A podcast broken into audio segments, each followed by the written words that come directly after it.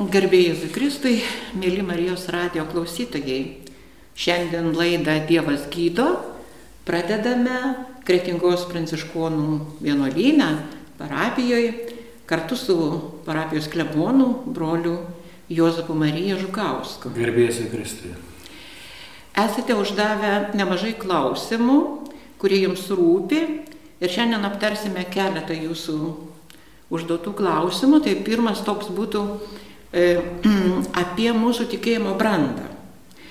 Daugelis žmonių ir aš pati esu mačius ir man pasakojo ligoniai, kaip meldžiasi dieną naktį ir tarsi Dievas jų neišklauso ir vis tiek miršta ir ta lyga e, kažkaip nesustoja.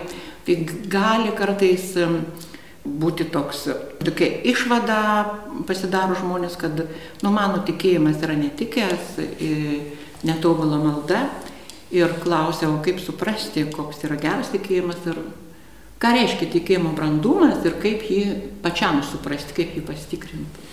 Iš ties toks įdomus klausimas, iš vis bendrai kalbant apie maldą ir kasgi ta malda yra. Turime eiti į pačią pradžią, į žmogaus, galima sakyti, sukūrimą Ir Dievas, kuomet šeštąją dieną sukuria žmogų, pažvelgia jį ir pasidžiaugia savo rankų kūrybą, sakydamas, kad tai buvo labai gera. Taigi žmogus yra sukurtas tobulas ir geras Dievo akise ir kurį laiką viskas taip ir vyksta. Tačiau taip atsitinka, kad žmogus vienu iš momentų, etapų nusprendžia, kad jam galbūt visai neblogai būtų pabandyti gyventi ir be Dievo. Ir atsiskyręs nuo Dievo žmogus pats ima spręsti, kas yra gera, kas yra bloga, pats daryti įvairiausius sprendimus ir mums šventas raštas sako, kad per tai įeina ir blogis į pasaulį, per tai ateina mirtis, per tai ateina ir visos mūsų lygos. Tai štai, taigi žmogaus ta gera prigimtis yra tarsi sugriaunama ir mes tada turime gyventi su tuo, ką turime. Ir su savo silpnybėmis, ir su savo įdomis, ir taip pat su fizinėmis lygomis, nes tas kūnas, kuris buvo sukurtas nemirtingas, dabar yra pavaldus mirties dėsniams, taigi jisai ir sensta, ir yra natūraliai ir taip pat įvairios lygos jį pažeidžia. Tai štai, o malda, mūsų malda yra tai kaip tik prašymas Dieve, padėk man vėl sugrįžti į tą gėrio būseną, į tai, kuo tu mane esi sukūręs, kad aš būčiau, kaip sakant, toks, kokiu tu galėtum žavėtis, kaip tą sukūrimo dieną, kada žvelgdamas į žmogų sakytum, yra gera.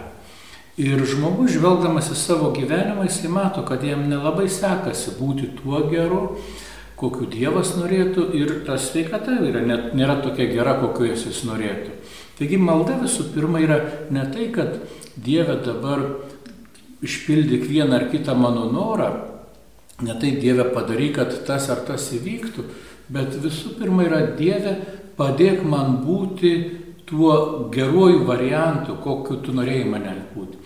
Pradedant nuo savo vidaus, nuo dvasinių savybių, bet taip pat aišku atsiliepia ir į mūsų sveikatą, kuri irgi turėtų būti gera, nes šventas raštas aiškiai sako, Dievas mirties nesukūrė ir nesidžiaugia, kad miršta žmogus, bet, na, aišku, turėsime tą mirtį prieiti, bet kaip tą mirtį pasitinkame, kokie jie ateiname, vėl yra visiškai kitas dalykas. Taigi malda nėra šiaip savo kažkokių atkalbėjimas formulių, nėra kažkoks prašymas, bet visų pirma žvelgimas į save susikaupus ir matymas, kur man dar nepavyksta būti tuo geru, kaip suprastų, žvelgiant Dievo akimis ir, ir prašymas Dieve, duok man jėgų tą ir tai padaryti, duok man kantrybės, duok man stiprybės, duok man ištvermės, galbūt duok man supratimo, kaip čia gyventi, kad aš būčiau geras, taip labai paprastai įvardinant. Tai štai, jeigu mes su tokiu žvilgsniu eisime, tuomet matysime, kad tos maldos jos veikia, nes tu žvelgi savo silpnybės ir jas išpažindamas Dievo akivaizdoje, iš ties leidi Dievo jėgai ateiti tavo gyvenimą, tave sustiprinti ir augi. Tai vad, tokiu požiūriu žiūrint, nei vienas tikrai negalėtų sakyti, kad Dievas maldų neišklauso, nes jis dvasiškai kaip žmogus auga, tobulėja ir vis labiau ta branda dvasinė atsiranda. Čia tikriausiai ir svarbi būtų Dievo valios, priim, svarbus būtų Dievo valios prieimimas tavo gyvenime, tai irgi brandumą gal rodytų. Taip, bet Dievo valia vėlgi, ar ne, kaip, kaip ją įvardinsi, tai nėra, kad kažkas, kad Dievas duoda tau kažkokią ypatingą užduotį. Dievas nori, kad mes būtume laimingi. Tai va Dievo valia būk laimingas, ar ne? Dievo valia yra tai, kad nu, padaryk taip, kad tu amžinai būtum su manim, nes Dievas nori džiaugtis mūsų amžinės. Tai tas Dievo valios ieškojimas irgi yra galima sakyti, na, bandymas būti laimingu. Ir kada tu gyveni teisiai, kada gyveni teisingai, tu visų pirma atrandi ramybę, atrandi taiką ir atrandi laimę. Ir ta Dievo valia vėlgi tada tu suvoki, kad tu tapęs laimingu, nu nori ir kitiems padėti būti laimingais, tai tada ta Dievo valia ir išauga, kad aš jau at, esu atradęs tą laimės šaltinį ir aš noriu su kitais pasidalinti, aš noriu darbuotis, galų gale aš atpažįstu įvairiausius talentus, kuriuos man Dievas yra apdovanojęs, aš noriu tuos talentus realizuoti, nes tai irgi man teikia džiaugsmo per kažkokį rankų darbą, per kūrybą, per dar kažką, nes aš atpažįstu, kaip gausiai man yra Dievas apdovanojęs ir aš noriu išbandyti visą tai, ką man Dievas davė. Turbūt visiems labai svarbu suprasti, kad Dievas kiekvieną be galo myli. Bet mes turime susikūrę neteisingus dievų įvaizdžius dažnai ir galvojam, kad Dievas baudžia. Taip, ir tas galbūt net nereikia čia žmogui sakyti, kad tu blogai galvoji ir dar kažką, nes mes vis tik apie aplinką ir pasaulį sprendžiame iš tų patirčių, kurias turime. Ir dažnai tos patirtis ateina iš tos tokios artimos aplinkos, iš mūsų šeimos, iš mūsų bičiulių rato.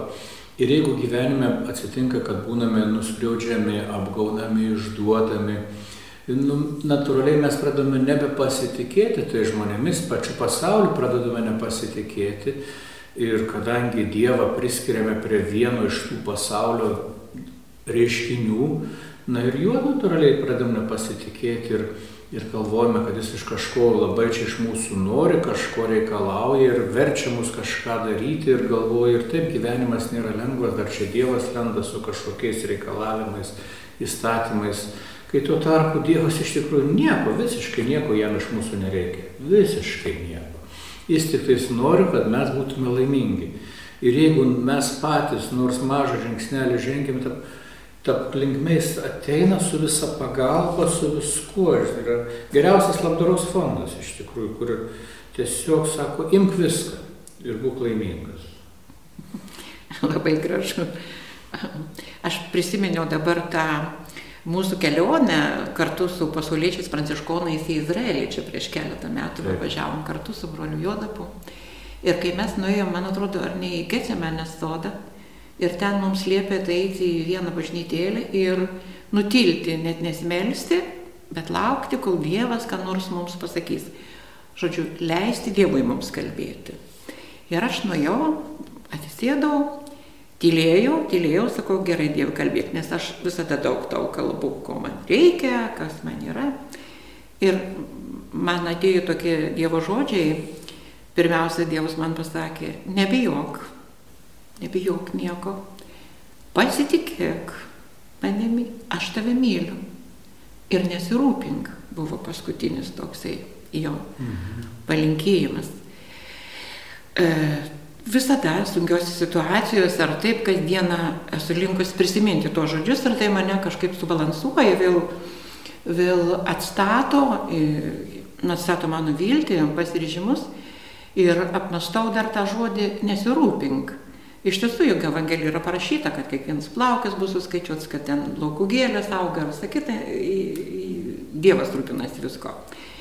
Ką reiškia tas nesirūpink? Nu, man tai toks nekontroliuok to savo gyvenimo, ne, ne, neužimk mano vietos, nes aš tavim pasirūpinsiu.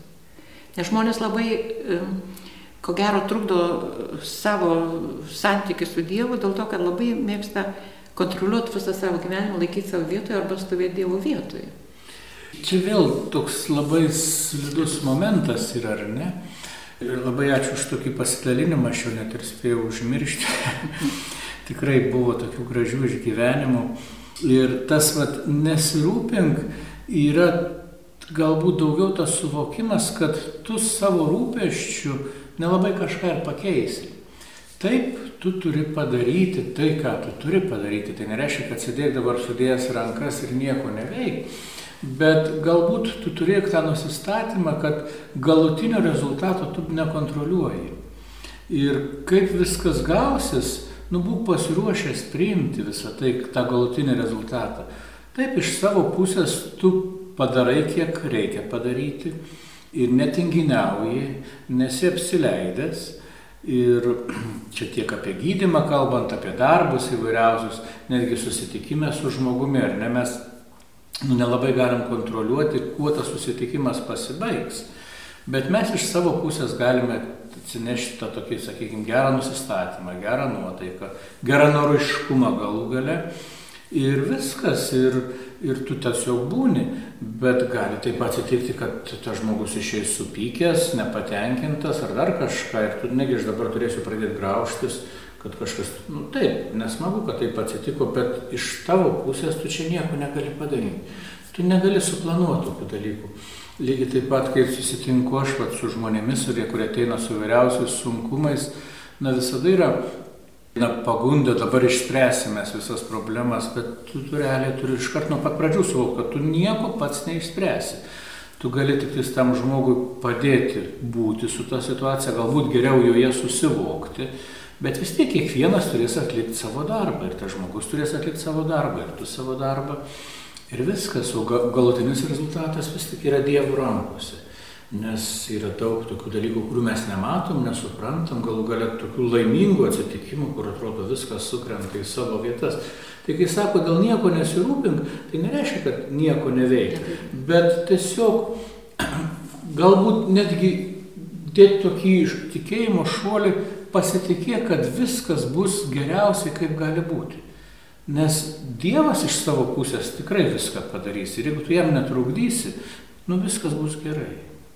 Čia kaip tik tiktų tikriausiai e, Evangelijos žodžiai, e, kai Jėzus sustinka su neregiu ir Jėzus klausia neregiu, ko nori, kad tau padaryčiau. O neregis atsakė, rabūni, kad praregėčiau. Aš manau, kad Dievas visada mūsų klausia, ko nori, tik negirdim, ką reiškia tas praregėjimas, mhm. tikėjimo praregėjimas. Iš ties labai labai stiprus tas tekstas, aišku, mes suvokiam tą labai pažodžiui esantį momentą, kada žmogus neregintis jis tiesiog nori matyti. Ir čia nereikia, atrodo, išvedžinėti jokios didelės teologijos, bet iš kitos pusės, na mes, kurie galvojam, kad matom, mes realiai daug dalykų nematom, mes nepastebim. Ir man kiekvieną kartą vat, šioje vietoje prisimena ta krikšto dovana, kurią gauname ir krikšto metu mes esame patepami šventąją charizmą, melžiantis, kad turėtume pranašo dovaną. Ir daugeliu ta pranašo dovana atrodo labai slėpiningai, bet pagrindinė jos esmė yra sugebėti pamatyti Dievo ranką pasaulyje ir jie pasidžiaugti. Tai yra parodyti kitam, sakyti, štai viešpats tai padarė, arba viešpats, žiūrėk, tave veda už rankos, tai tas pranašas tai yra pranešimas, būti tuo gerosios naujienos nešėjų pranešimu, kad viešpatės karalystė jau čia pat, jau ranka paliečiama ir va tas sugebėjimas matyti, kaip Dievas gražiai veikia mūsų gyvenime. Tai aš galvoju, tas praregėjimas irgi to neregio yra ne tik, kad pamatyti medžius, namus, žmonės, bet pamatyti visų pirma viešpatės veidą, kad tas žmogus, kuris jį išgydė, yra viešpats ir atpirkėjas ir, ir kad aplinkui esantis vėlgi yra mūsų broliai ir seseris. Mes to taip dažnai nematom. Ir va tas lygiai taip pat praregėjimas galbūt ir mūsų lygoje, kurį dažnai pamatome tuose žmonėse, kurie ateina pradžioje išsigandę ir galvodami, kad čia yra Dievo bausmė ir paskutinis teismas, ta lyga, kai jie tiesiog net tą žodžio prasme praregi, kad ta dova, lyga buvo dovana ir malonė, kad jie iš naujo atrado šeimą, atrado iš naujo santykius, iš naujo atrado gyvenimo skonį galų gale. Ir net jeigu tas gyvenimas iš ties, na, užsibaigė, galim sakyti, kitą kartą labai greitai, už pusės metų, dviejų metų, penkių metų, bet tie likę pusę metų, tie du metai yra taip pilnai nugyvenami, nugyvenami kad kitas žmogus visą gyvenimą gyvena ir jis nepatiria tos gyvenimo pilnatvės. Tai tas va praregėjimas, kad aš noriu gyventi, bet pilnai ir kiekvieną dieną. Nemelstis už tą gyvenimo prailginimą iki nežinia, kiek tu norėsi, bet melstis už tai, kad kiekviena diena būtų pilnatvėje. Taip, taip, taip. Ir Jėzus netgi ir sako, aš atėjau, kad jūs turėtumėt gyvenimo, kad apščiai jo turėtumėt. Tai ta gyvenimo apstybė, kada tu kiekvieną dieną yra tiek daug visko, kad tu tik spėk, spėk džiaugtis, priimti, pamatyti. Tai yra didžiulė malonė. Esam kviečiami mylėti Dievą visų savimi. Tai čia tas ir yra visomis savo jūslėmis. Iš ties, kada kalbam apie Dievą, mes labai dažnai tarsi bandom viską sudvasinti, sakyti, čia kažkas va tenais kosmose, kažkur debesyse. Visa tai bus, bet Palikim tai ateičiai, kada nebeturėsim to žemės, kada neturėsim tų žmonių, kada neturėsim tų receptorių visų, kuriuos galime pasotinti galų gale. Labai gražus filmas yra toks animacinis išėjęs naujas, visiškai visiems rekomenduoju. Siela vadinasi, Soul angliškai, nežinau, išvers tikriausiai taip pat, ir siela yra animacinis filmukas, būtent apie mažas sielas, kurios gimsta pasaulyje ir, ir tiesiog mokosi džiaugtis gyvenimu, tiesiog labai paprastai pasidžiaugti picos skoniu, kurio valgo, pasidžiaugti krentančiais medžių lapais, vėjo gūsiu. Ir ten didžiulis, pagrindinis klausimas buvo pradžioj, ką daryti, kuo užsimti gyvenime, kaip realizuoti save, kad tas gyvenimas būtų prasmingas. Ir galiausiai tai atsakymas, kad tiesiog gyvenk. Kiekvieną dieną. Tiesiog gyvenk. Gyvenimas jau yra pilnas tais, ir jeigu tu gyvensi, tai nesvarbu, kuo tu beužsimsi, tu būsi laimingas ir tu jausi, kad gyveni, tai irgi gyventi, tikėti visų savimi, tai yra tai, kad kiekvieną akimirką išgyveni pilnai ir išgyveni kaip Dievo dovanota tą laiką ir išgyveni kaip galimybę išnaudoti tuos talentus, tas galimybės, pasidžiaugti tai žmonėmis, kuriuos esi, padėkoti Dievui už tos žmonės ir tiesiog imti, imti tą gyvenimą. Ir jeigu mes išmoksim tą gyvenimą imti, tai jis bus pilnas. Ir jis tikrai tada nesibaigs su mūsų kančia, su mūsų vargais, nes netgi ir tie dalykai mus gali praturtinti, išmokyti naujų dalykų, nes tu suvoki, kad mes esame daug didesnio plano dalimi ir kad Dievas yra tiek mums visko numatęs, kad wow, tik gyvenkim. Koks liūdėsys, kai šito žmogus nemato ir čia tas yra dvasinis aklumas. Taip, tas aklumas ir tas mm. didžiulis skurdas yra iš tiesų. Ir, labai, labai. Ir aš labai džiaugiuosi, kad kas onko centre vyksta, kad po, po truputį mes padedam žmonėm praregėti, nugalėti tą baimę ir tada eiti į tą lygą, į tą gyjimą netgi, sakykime, visiškai kitaip. Daugelio atveju gyjimą, nes čia mes e, suprantam, kas yra mūsų dvasinė sveikata Taip. ir kuo maitinti mes ją turime, kad sveiktų mūsų visas, mūsų visa gyvastis. Ir iš tiesų žmonės e, patyrė labai daug e, sunkaus gydimo, chemoterapijų, spindulinių ir, ir operacijų ateina nušvitę kadangi jie yra sutikę Dievą, jau tą tikrai, ne, ne tą, kuris kaip už mūsų gyvenimo ribų, šiek tiek kaip atsarginis variantas kam nors paprašyti, bet jau tampa centriniu gyvenimo asmeniu, apie kurį būrėsi visa šeima, ne tik pats ligonis. Taip ir netgi tokį tą lastelinį lygį mūsų nusileidžia tas troškimas gyventi ir tada tas organizmas iš tiesų sveiksta, nes tu trykšti gyvenimu, kai tuo tarpu, kada esi sukaustytas baimių, bėgimo nuo pasaulio, tai tu nori užsidaryti ir tu tiesiog spinduliuoji tą nenorų gyventi, nenori to pasaulio, manis yra baisus, yra priešiškas. Patraukite mane nuo to pasaulio ir tada tu save tarsi programuoji, kad reikia kuo greičiau dingti iš čia. Kai tuo tarpu tu pradedi džiaugtis, kada tu gyveni, tada visas tavo kūnas tiesiog ima gyventi. Šis karantinas, jau antras karantinas, man atrodo, buvo labai gera proga E, suprasti save, suvokti tyloje, atrasti, kas, kas tavo širdį. Gal iš tikrųjų ten turgus gali būti didelis turgus visų emocijų ir o, taip, turim taip, ten išsivalyti. Ir mes tikrai labai esam linkę pabėgti į išorę į vairiausias veiklas, susitikimus ir aš pats nepaslaptis, kad na, labai yra noras būti kitur. Bet va tie susitikimai su savimi, na, jie iš tiesų mus ir paragina, paragina imtis tos vidinės hygienos, tos sveikatos vidinės, ne, kaip mes ją įvardinam. Ir galų galę vėl grįžtam prie to, nuo ko pradėjom, prie tos maldos, kad žinot, ko melstį ir ko Dievo prašyti, kad, na, Dieve, žiūrėk, aš pamačiau, kad, na, esu tuo vietoje silpnas Ir kad, kaip sakant, tas silpnas mano tikėjimas tame, kad, na, nu, pastebiu, kad susinervuoju gana greitai ir vis tik dar nemoku priimti galbūt kitokios nuomonės. Nemoku su meilė pasakyti savo nuomonės. Galbūt nemoku su meilė išgirsti kitos, net netoleruoju kitos sunkumų, silpnybių, galvoju, nu, kad čia Ir va Dieve išmokyk, išmokyk. Ir kodėl tai yra?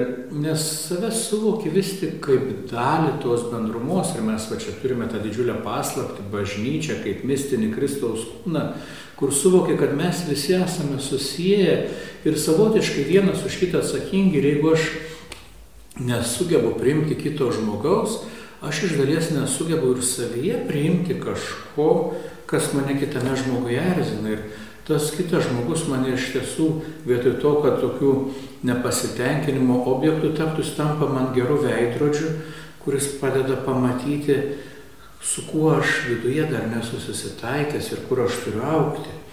Ir tuomet, wow, tai yra dovana tas žmogus ir tas kiekvienas netgi susierzinimas jeigu jį teisingai priemi, tau yra dovana, kur tau padeda sakyti, va Dieve, va turiu dėl ko čia dabar dar pasimelsti, dar turiu ko paprašyti. Mhm. Čia kaip veidrodis, atspindintis. Taip, taip, taip. Na ir keliaujame per gavėnę, artėjame prie Velykų, ką mums Velykų paslaptis atskleidžia apie mus pačius, apie tą tikrai naują prisikilimą kartu su Jėzumi. Kiek, kiekvienais metais iš tiesų, tai ne veltui sakom Velykų paslaptis, nes kiekvienais metais ta paslaptis atsiveria vis kitaip, vis kitą savo veidą parodo ir man tai yra tai vis tik ta paslaptis, vis tik pergalė. Šiemet man tai yra pergalė. Prisimink, kad ką bedarytum, dėl ko besikovotum, atsimink, kad jau viešpats yra nugalėjęs. Ir Pakeliui tai čia mes išgyvenam tai tokius lengvus pasistumdymus, išbandymus, kai tuo tarpu jau pagrindinė pergalė yra iškovota, tas amžinasis gyvenimas, amžinas džiaugsmas viešpatės akivaizdoje ir mums jau yra įteikti tie diplomai, kad tu esi nugalėtojas. Mes dar esame, aišku, pakeliui į tą apdovanojimo atsėmimo ceremonija, kaip sakant, bet jau turim žinot, kad esam laimėję pirmą vietą. Ir nesijaudinkim, kaip mums pavyks, nepavyks pasirodyti geriau ar blogiau, mes jau esame nugalėtojai, mes esame tos laimėtojų komandos dalis. Ir vat man Velykos yra ta šventė. Ačiū Dieve, kad nuėjai iš tiesų tikrai nelengvą kelią, kada žvelgi nuo, nuo pat kūdikystės visų išbandymų, visų persekiojimų, visų kančių, kryžiaus kelio galų gale, erškiečių vainikų ir mirties ant kryžiaus, visą tai tu išgyvenai, kad man jau nebereikėtų to pakartoti. Ir jeigu iš dalies leidi man būti dalininku tų išbandymų, leidi patirti ir savo gyvenime tos išbandymus, tai ačiū tau Dieve, nes per tai matau, kokią brangę kainą už mane sumokėjai, nes realiai pajaučiu, ką reiškia eiti tuo kryžiaus keliu. Nes tikrai mm, toj kartais beviltiškai situacijai, lygos sunkume, žmogus jaučiasi irgi kaip prikaltas prie kryžiaus. Taip, visiškai, visiškai. Ir tikrai nereikia numenkinti tos kančios žmogaus, jinai yra reali, labai reali. Ir kai skauda iš tikrųjų skauda, kai baisu iš tikrųjų baisu. Tik tais va tas atrasti tuo tamsiuoju momentu tą žinutę savo kažkur, kad nu tu nesi vienas toj kančioj, kad tu esi su viešpačiu ir viešpats yra šalia to kryžiaus. Kaip sako Jėzus, kad aš esu vynmedis, o jūs šakelės, kas pasilieka manie ir aš jame, tas duoda daug vaisių, nuo manęs atsiskyrę, jūs negalite nieko nuveikti. Iš ties be jo tada viskas, viskas yra beprasmiška. Viskas yra beprasmiška. Net ir ta pati kančia ir vargas yra beprasmiška. Kam tada, kam ta kančia, kam tada tas gyvenimas? Bet su juo tada viskas įgauna ir prasme, ir spalvą, ir skonį, ir, ir gyvenimo džiaugsmą, tą šviesą. Nuostabiai pasikalbėjom, mūsų laida eina į pabaigą, liekam su ta tokia Velykų viltimi, su drąsa gyventi, kad ir su lyga, su kančia, bet visada su Dievu visur yra prasmė. Tikrai. Dievo darbai niekada nesibaigia, nebus užbaigti ir iš jos veikata sklinda visoje žemėje. Dėkojame visiems uždėmesį, su jumis buvome brolis Jozapas Marija Žukauskas ir aš Aldona Kerpytė. Ačiū visiems, kad klausėte ir likime viešpaties malonėje. Su Dievu. Su Dievu.